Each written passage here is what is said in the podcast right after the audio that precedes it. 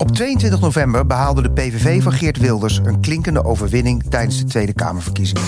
De partij werd met 37 zetels veruit de grootste. Inmiddels is partijideoloog Martin Bosma verkozen tot voorzitter van de Tweede Kamer.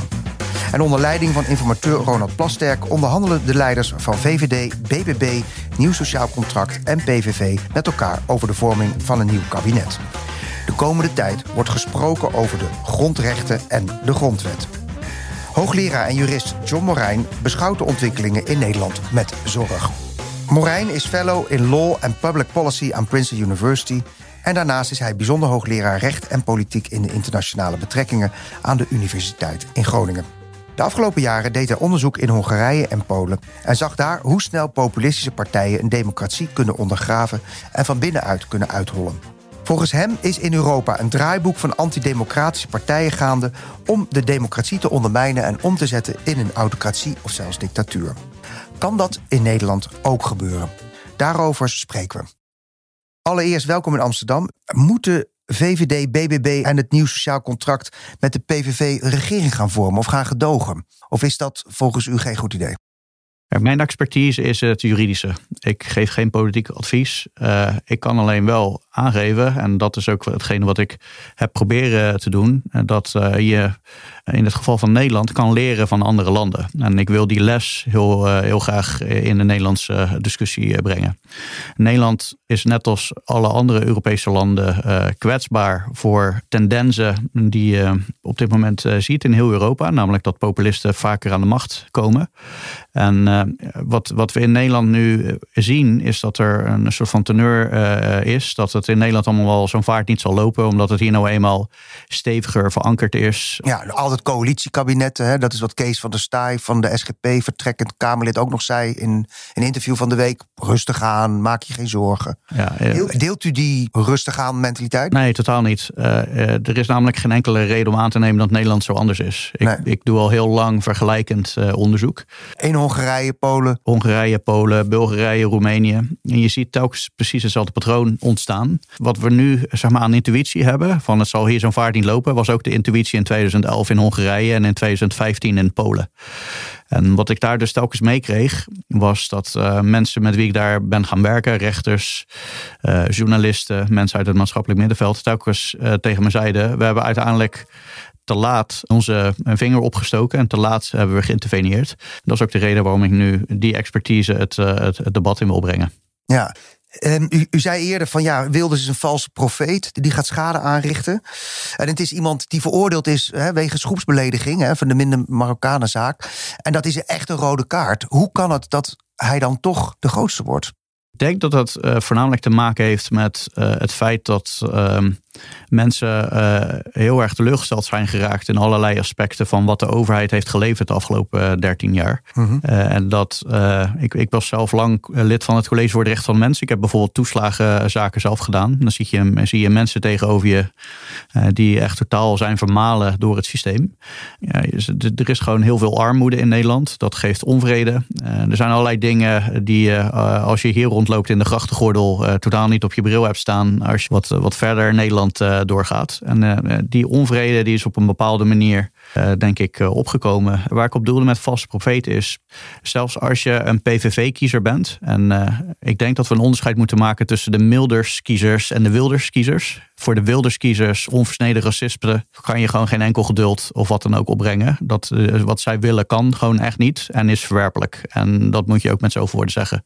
Ik richt me met name op de Milders-kiezers. Dat zijn de kiezers die zijn overgestapt van mainstream partijen of die wel op Wilders hebben gestemd, maar niet vanwege zijn, laten we zeggen, anti-moslim agenda, die gewoon echt illegaal is. Dat zijn dus kiezers die zich met name ongerust maken over zaken als armoede, bestaanszekerheid. Als je dan vanuit zo'n intuïtie op uh, Wilders uh, stemt, noem ik hem een valse profeet, omdat hij niet kan leveren wat hij zegt dat hij zal, gaan leveren. En dat heeft te maken met dat draaiboek waar we het ongetwijfeld dadelijk nog uitgebreider over zullen gaan, gaan hebben.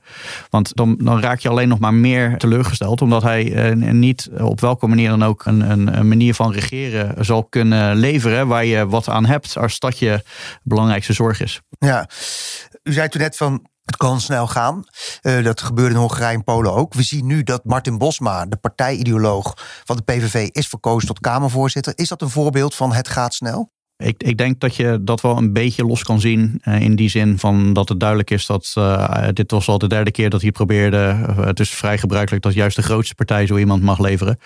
Waar ik me wel ontzettend zorgen over maakt, is de manier waarop hij zo'n functie dan accepteert in zijn acceptatiespeech neemt hij niet, zoals je zou hopen, de soort van uh, gezaghebbende positie aan en plaatst hij zichzelf boven de partijen. Nee, hij gaat eigenlijk het eerste wat hij zegt is: uh, dit is voor alle slachtoffers van, uh, van degene die ons de afgelopen twintig jaar hebben gesteund.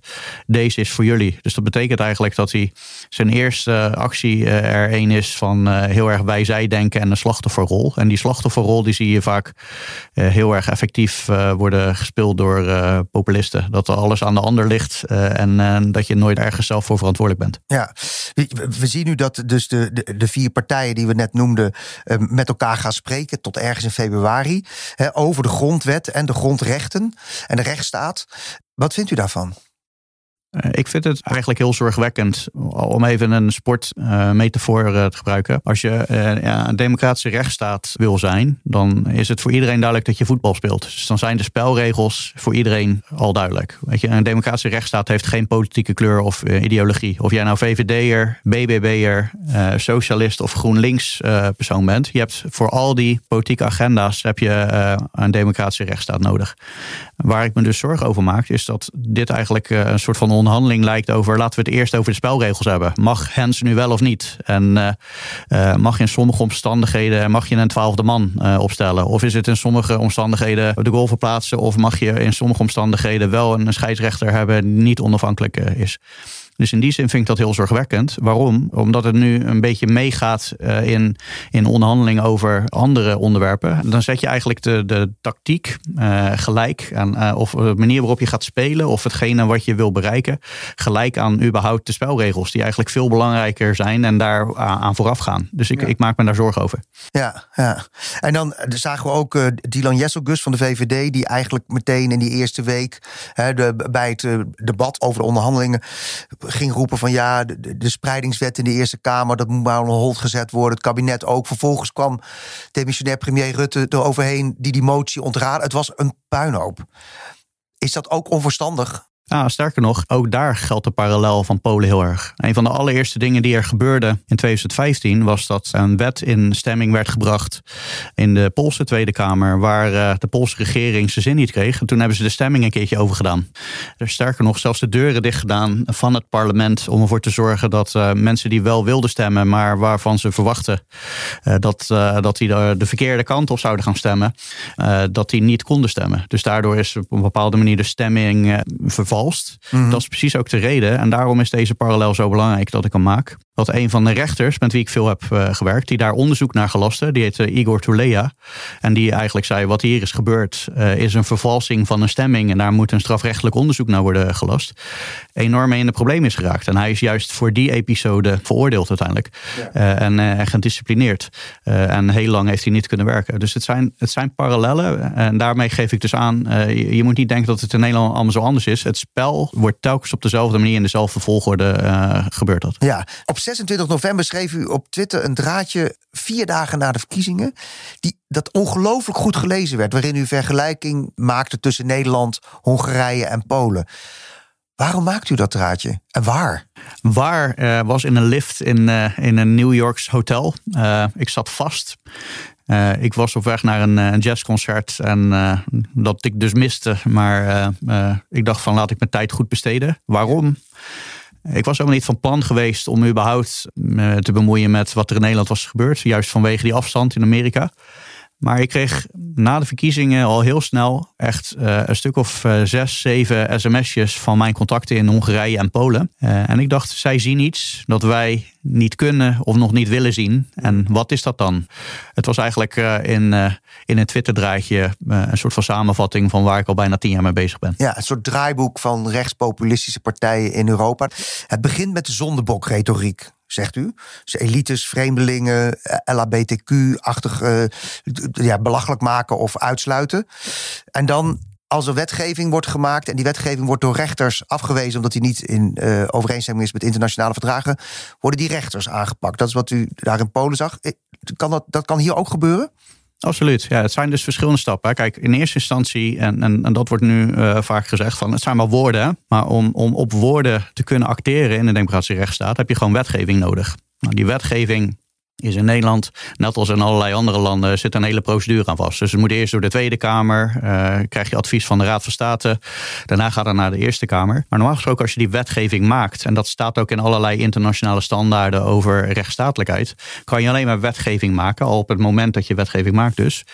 Uh, niet alleen door de meerderheid plus één daar de belangen van mee te nemen, maar ook al de, uh, de belangen van de minderheid daarin te betrekken. Dus je moet ervoor zorgen dat als jij wetgeving maakt, dat je dan al gelijk rekening houdt met hoe uh, wat is het effect hiervan op minderheden, welke minderheid je dan ook al hebt. Nou, wat je heel vaak ziet gebeuren is dat bij dit soort populistische partijen aan het roer, dat dat tweede deel helemaal van de kaart wordt gehaald. En dan zie je dus dat er wetgeving die duidelijk uit balans is, uiteindelijk wel in het staatsblad terechtkomt. Daar zou je natuurlijk 100% zeker van kunnen inschatten dat iemand daarvoor naar de rechter gaat. Uh, dat kan uh, een belangenorganisatie zijn of iemand die daar. Persoonlijke hinder van ondervindt, ja. Precies. Nou, die rechter die moet toetsen aan juridisch bindende standaarden, waaronder dus inderdaad internationale standaarden. En dan zie je dus heel vaak dat daar uh, de rechter zal zeggen: je hebt, je hebt niet alle belangen meegewogen. Volgende stapje is dat je dan in plaats van je daarbij neer te leggen, dat je de schuld gaat geven aan de rechter. Voor het feit dat je zelf je werk niet goed hebt gedaan, geef je dan de, de rechter de schuld. En in Polen en Hongarije heeft het allebei geleid tot uh, uh, een grote druk om die rechters als zodanig te vervangen. En dat is ook gebeurd in Polen. Ook in Hongarije. In Polen zie je die omgekeerde beweging. Daar is nu een pro-Europese liberale Tusk aan de macht gekomen. U was daar op de dag van de verkiezingen. Hoe was dat om, om op, die, op die uitslagenavond daar te zijn? Ja, het was een van de belangrijkste dagen in mijn leven, moet ik zeggen. Uh, ik kan me nog herinneren dat Timothy Garton Ash heeft een heel mooi boek geschreven, History of the Present. En daarin beschrijft hij uh, dat hij uh, net na de val van de muur in al die landen uh, ging kijken. En eigenlijk het gevoel had dat hij de geschiedenis live aan het beleven was. Dat had ik ook heel erg in Polen. Ik was erheen gegaan omdat ik er echt 100% zeker van was dat het de verkeerde kant op ging. Dus ik was erheen gegaan om die mensen te troosten. Al die mensen die, ja, die ik al die tijd had gesteund. Acht jaar lang, hè? PiS-partij de macht geweest, ja. Ja, ondertussen, als je de Poolse NOS helemaal in handen hebt, dan krijg je dus ook een hele eenzijdige uh, campagne. Het was helemaal geen eerlijke verkiezing. Dat, hebben, dat heeft de OVSE ook met zoveel woorden gezegd, de Organisatie voor Veiligheid en, en Samenwerking in Europa. Dus heel veel mensen die maakten zich echt tot heel laat op verkiezingsdag echt veel zorgen of ze überhaupt die verkiezing wel konden winnen. Uh, heel veel mensen die denken nu dat het allemaal zo vanzelfsprekend was dat daar die verkiezingswinst om de hoek lag. Dat was echt totaal niet aan de orde. Dat is ook precies de reden waarom uh, ik nu de, de alarmklok uh, luid voor Nederland. Dit soort dingen die kunnen echt heel snel gaan. En Polen, echt een heel groot land, was echt een dubbeltje op zijn kant. En uh, dat moet je echt niet onderschatten. Uh, zelfs als je een land hebt waar heel veel mensen zich echt heel uitdrukkelijk inzetten voor de rechtsstaat. Via rechters, journalisten, mensen als Aldan Bodnar, die daar de ombudsman was. Als je een goed gecoördineerde populistische agenda werkelijk gaat uitvoeren, dan kan er echt ontzettend snel de verkeerde kant op gaan. Ja. ja, hoe reageerden ze in Polen op het feit dat Wilders hier won? Ja, ik kreeg appjes van al die mensen die, uh, met wie ik destijds werkte. Rechters, journalisten, die dus net eindelijk weer wat democratische zuurstof kregen. Ja. En langs de lijn van gecondoleerd. Dat heeft toen echt ook wel mijn ogen geopend. Want ik kan me heel goed voorstellen dat heel veel mensen die hier nu naar luisteren. Dan heb je een man die zit nu in Amerika, heeft makkelijk praten, die ziet allerlei parallellen die wij echt totaal niet zien. Ik kan me heel goed voorstellen dat je die parallel niet ziet. Maar uh, zij zagen die parallel uit Polen dus wel gelijk. En dat, dat signaleerden ze bij mij. En ik vond het heel belangrijk om dat signaal dat zij dus gaven door te geven. Ja, wat, wat voor signalen zijn er hier al te zien in de Nederlandse samenleving van een aankomende verandering? Uh, Johan Cruijff die zei altijd van uh, je gaat het pas zien als je door hebt. Hè? In Nederland zijn er altijd al, zijn er al een heel erg veel signalen, al, al hele tijd, die we gewoon onder de, de paraplu van polarisering van het publieke debat uh, zien. Dus journalisten worden bedreigd. Twee jaar geleden heeft het College voor de Rechten van de Mens, ik daar nog werkte, een groot jaarrapport uitgebracht over onveiligheid voor journalisten. Heel veel, een derde van alle journalisten wordt per jaar bedreigd. Het gaat met name over vrouwelijke journalisten. Er zijn collega's van mij ook in Nederland die veel van rechtsextremisme weten. Bijvoorbeeld als zij gewoon een, een, wetenschappelijke analyse geven, worden ze bedreigd. Ook veel vrouwen trouwens? Veel vrouwen, wetenschappers. ook in Nederland heb je natuurlijk wel eens kritiek op de rechters en worden ze weggezet als waren het vertegenwoordigers van een specifieke politieke partij. Nou, die dingen die los van elkaar, denk je van ja, zorgelijk, maar uh, niet zo'n heel groot probleem. Maar als je dus weet wat er kan gaan gebeuren, hoe die dingen kan gaan samenhangen. Als er wel degelijk echt een populist aan de macht komt die daarop kan acteren, die zijn woorden kan omzetten in daden, dan realiseer je dus dat er allerlei tekenen al in de Nederlandse maatschappij zijn, die uh, heel snel met elkaar kunnen worden verbonden in zo'n populistisch draaiboek. En daarom kan het, maak ik me ook in Nederland zorgen dat het ook hier heel snel fout kan gaan, omdat al die tekenen aan de wand er al zijn. Ja, op één presentator Thijs van der Brink, die, eh, die werd door Wilders de maat genomen hè, op Twitter.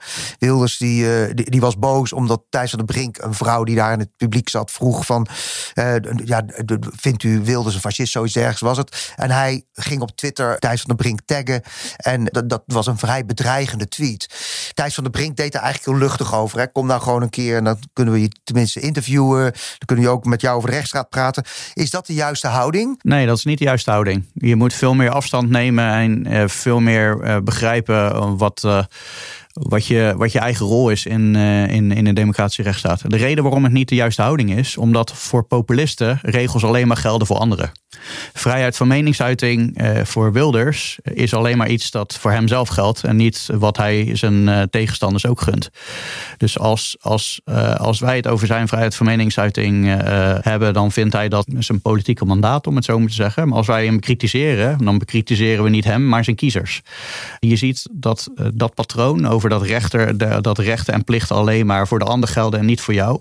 Op allerlei manieren ook uh, terugkeren op, op andere vlakken. En dus als je zo'n eh, houding neemt als Thijs van der Brink aannam, dan uh, onderschat je dat. Dan, dan denk je dus wel degelijk van uh, hij houdt zich aan dezelfde regels die voor ons van belang zijn. Maar dat is niet het geval. Nee, je ziet dan ook een journalisten die t-shirts aantrekken met tuig van de richel. Hè. De Wilders heeft gezegd over journalisten dat is tuig van de richel. Is dat dan een goed antwoord of is dat ook te ludiek? Ik vind het wel belangrijk uh, dat dat wordt gedaan, omdat dat je daarmee uh, toch aangeeft dat je het wel degelijk aantrekt uh, wat, wat, wat zo iemand over jou zegt. En dat dat dus grappig bedoeld kan zijn, maar wel degelijk ook heel serieuze vormen kan aannemen. We hadden het net al even over dat rapport van het College voor de Rechten van Mens. We willen niet dat die een derde de helft wordt. Nee, nee. en, en, en die tendens die die deur zet je wel open als je daar uh, telkens in die termen blijft uh, spreken. Ik heb zelf ook de afgelopen drie, vier weken. Ik denk wel 60 e-mails gekregen van, uh, van PVV'ers die het nog één keer aan me gingen uitleggen. En anders? Ja, en anders.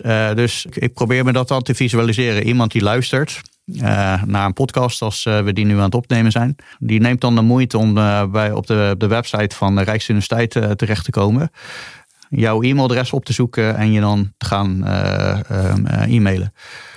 Kijk, ik, uh, ik, ik, weet dat uh, als ik een vrouw was geweest, dat ik er nog tien keer zoveel had gekregen. Maar het is wel iets dat, uh, dat je wel aan het denken zet. Ehm, kijk, er zullen altijd wel één of twee mensen zijn die je dan weten te vinden. Maar het is wel veel, veel meer geworden. en ik denk dat dat echt wel ook mee te maken heeft. Dat, dat zij zich nu minder geremd voelen vanwege die grote verkiezingswinst. Dat is ook precies de reden waarom ik me nu uitspreek. Omdat ik ja, gewoon vanuit mijn onderzoek, dus het is een wetenschappelijke interventie probeer ehm, daarvoor te waarschuwen wat, wat er kan gebeuren als dat escaleert. Ja, waar kan het toe leiden als je met dat soort intimidaties te maken krijgt? strategisch gedrag, ook van rechters, journalisten, wetenschappers? Mensen die er omheen gaan tippelen? Ja, ik denk wel dat die drie verschillende rollen, uh, rechters, uh, journalisten, wetenschappers, uh, heel anders erop zullen reageren.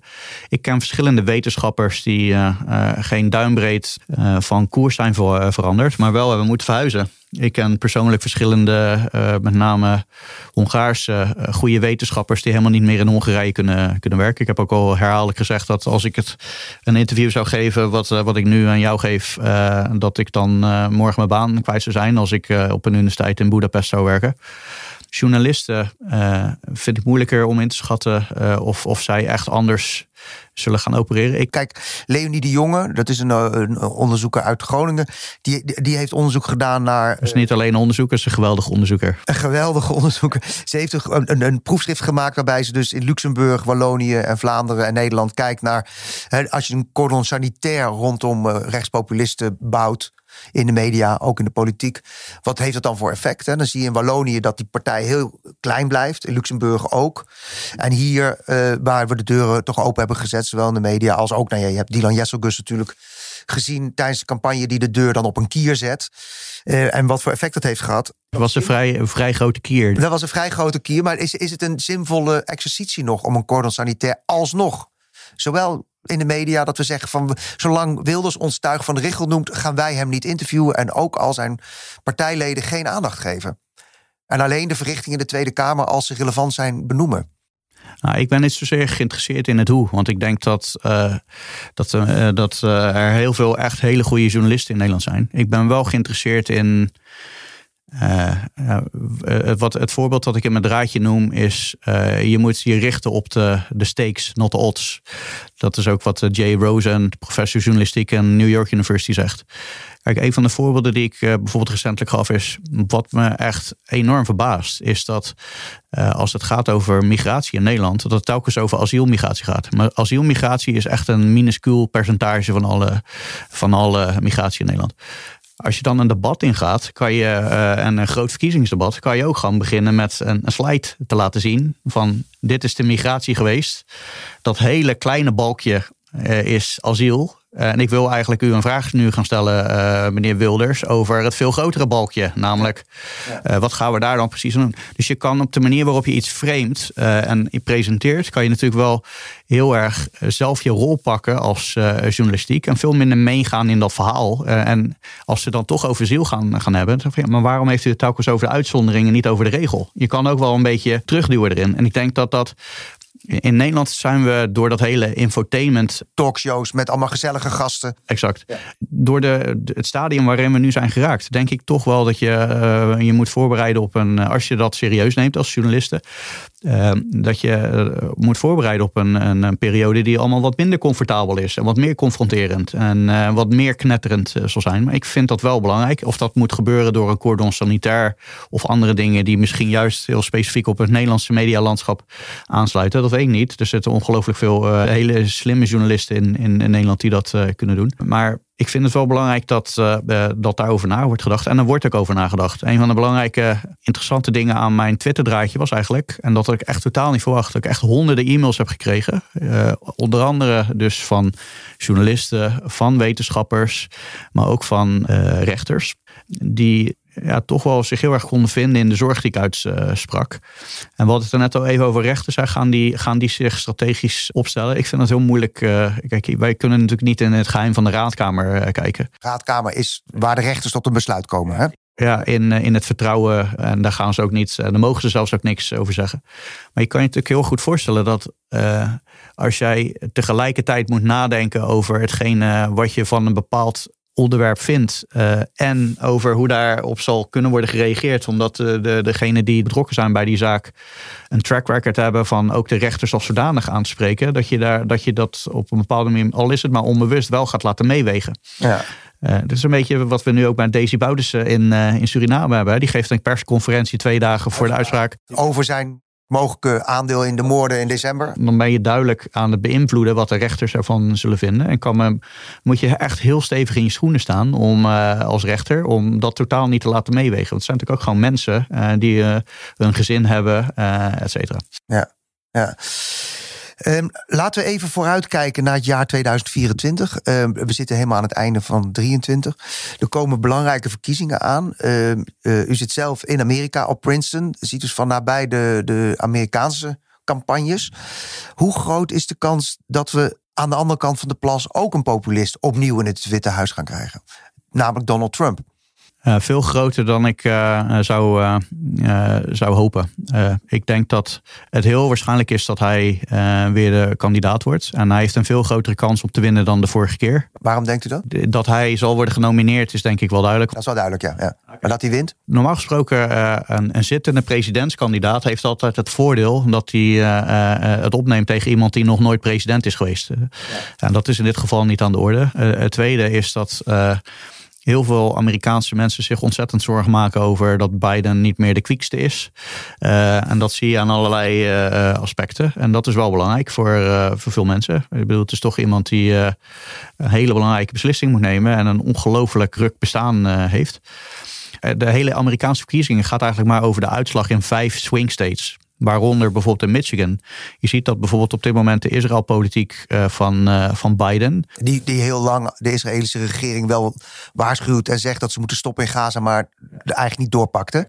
Exact. Uh, dat, dat met name de, de, de moslimstemmers in een staat als Michigan, wat echt vorige keer met maar 10.000 stemmen of zo de kant van Biden opviel ja, dat die zich daar ongelooflijk uh, tegen afzetten. Dus er zijn allerlei tekenen aan de wand waarvan je uh, je toch wel kan afvragen of Biden dat zo makkelijk zou winnen zoals hij zelf zou, zou denken. En als je iets wil lezen om nog meer in de put te raken, moet je dat zeker lezen.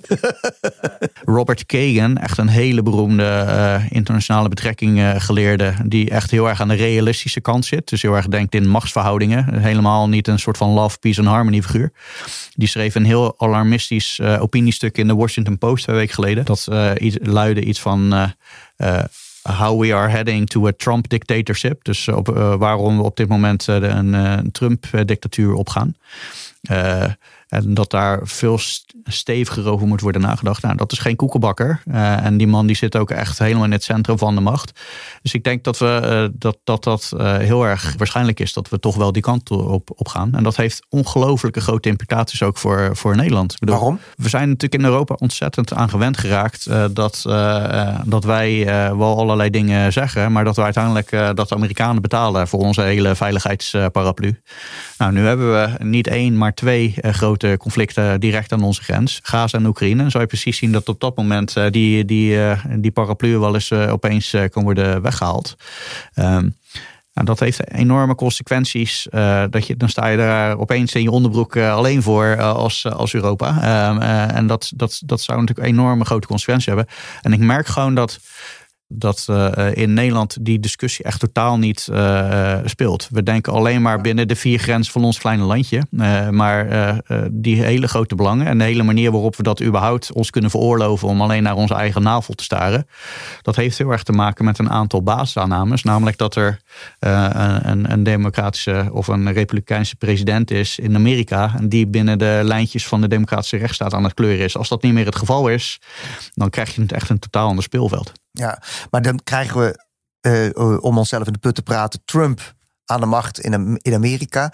Hier een formatie uh, waar misschien we premier Wilders krijgen. gaat de Nederlandse rechtsstaat dat overleven of gaan we ook acht jaar Polen in? Ja, ik heb, dat is echt puur koffiedik kijken. Een, een van de zaken die, die me wel heel erg is opgevallen is dat, dat Twitter-draadje ook wel heel veel reacties op, opwierp van dat mensen wel echt wakker zijn geworden. Dat, uh, dat dit misschien even nodig was om je te realiseren uh, hoe goed we het al die tijd hebben gehad. In voor, voor een heel belangrijk deel van, van de Nederlandse maatschappij. Maar ook dat je dus wel degelijk zelf iets moet doen. een van de dingen die ik altijd zo, zo bijzonder vind aan Nederland. en dat is telkens als ik hier weer voet aan de grond zet, valt me dat direct weer op. Het ligt altijd aan anderen. het ligt altijd aan externe factoren. Uh, maar kijk eens een keertje in de spiegel. Waarom betaal jij niet voor je nieuws? Waarom neem jij geen abonnement op Follow the Money? Ja, meer abonnementen op Follow the Money. uh, waarom, uh, waarom word jij geen lid van de politieke partij, et cetera? er zijn een hele hoop dingen waarmee je in kleine stappen al een heel groot verschil kan maken. ja. Ja. Wat nog meer, behalve lid worden van een krant of van Follow the Money of een partij? Wat kan je nog meer doen? Nou, steun is een maatschappelijke organisatie. Uh, wordt, uh, is geen tientjeslid van Greenpeace, maar betaal gewoon wat, wat zij nodig hebben om hun werk te doen. Want dat zijn toch de partijen en, en de organisaties die straks naar de rechter kunnen stappen en georganiseerd ervoor kunnen zorgen dat als in de eerste stap van het populistische draaiboek inderdaad iets fout is gegaan, dat, dat, dat er wel degelijk iets wordt voorgelegd aan de, aan, aan de rechter. Ik denk ook, wat ik zelf dus best wel bijzonder vond, gaf ik er net al aan, dat er ook veel reacties komen uit de rechtelijke macht. Ik denk dat er op dit moment binnen de rechtelijke macht ook wel wordt nagedacht over: moeten we nou gaan wachten uh, tot uh, het feit dat er tot, tot het moment dat er misschien een wet die door een uh, extreem rechtskabinet wordt, wordt aangenomen. Want dat is het, een extreem rechtskabinet. Als het, als het een kabinet wordt wat er nu aandreigt te komen, is dat een extreem rechtskabinet. Ja, als, dan komt er natuurlijk iets bij de rechter te liggen. En dan komt er ook een uitspraak die wij en jij en ik nu al kunnen uitstippelen. En daar komt er dus ook heel waarschijnlijk kritiek op de rechter. Ga je pas dan reageren of dan pas bedenken hoe je gaat reageren? Of ga je daar elk geval op voorbereiden? Of misschien zelfs wat proactiever in de wedstrijd zetten. Ik denk dat dat best wel een belangrijk uh, strategisch besluit, uh, besluit, is van de rechtelijke macht. Maar ook eentje die echt wel zo ingewikkeld is. Want je wil natuurlijk als rechter ook ten koste van alles voorkomen dat je uh, wordt, wordt begrepen als politiek acterende instantie. Dus het zijn echt hele moeilijke afwegingen. Ik, maar ik merk wel dat daar nu actiever over wordt nagedacht. en dat is heel belangrijk. Hartelijk dank. Toch een fijne kerst en een gelukkig nieuwjaar gewenst. Laten we elkaar over een jaar ook weer vlak voor kerst spreken en kijken hoe Nederland er dan voor staat. John Marijn, hartelijk bedankt.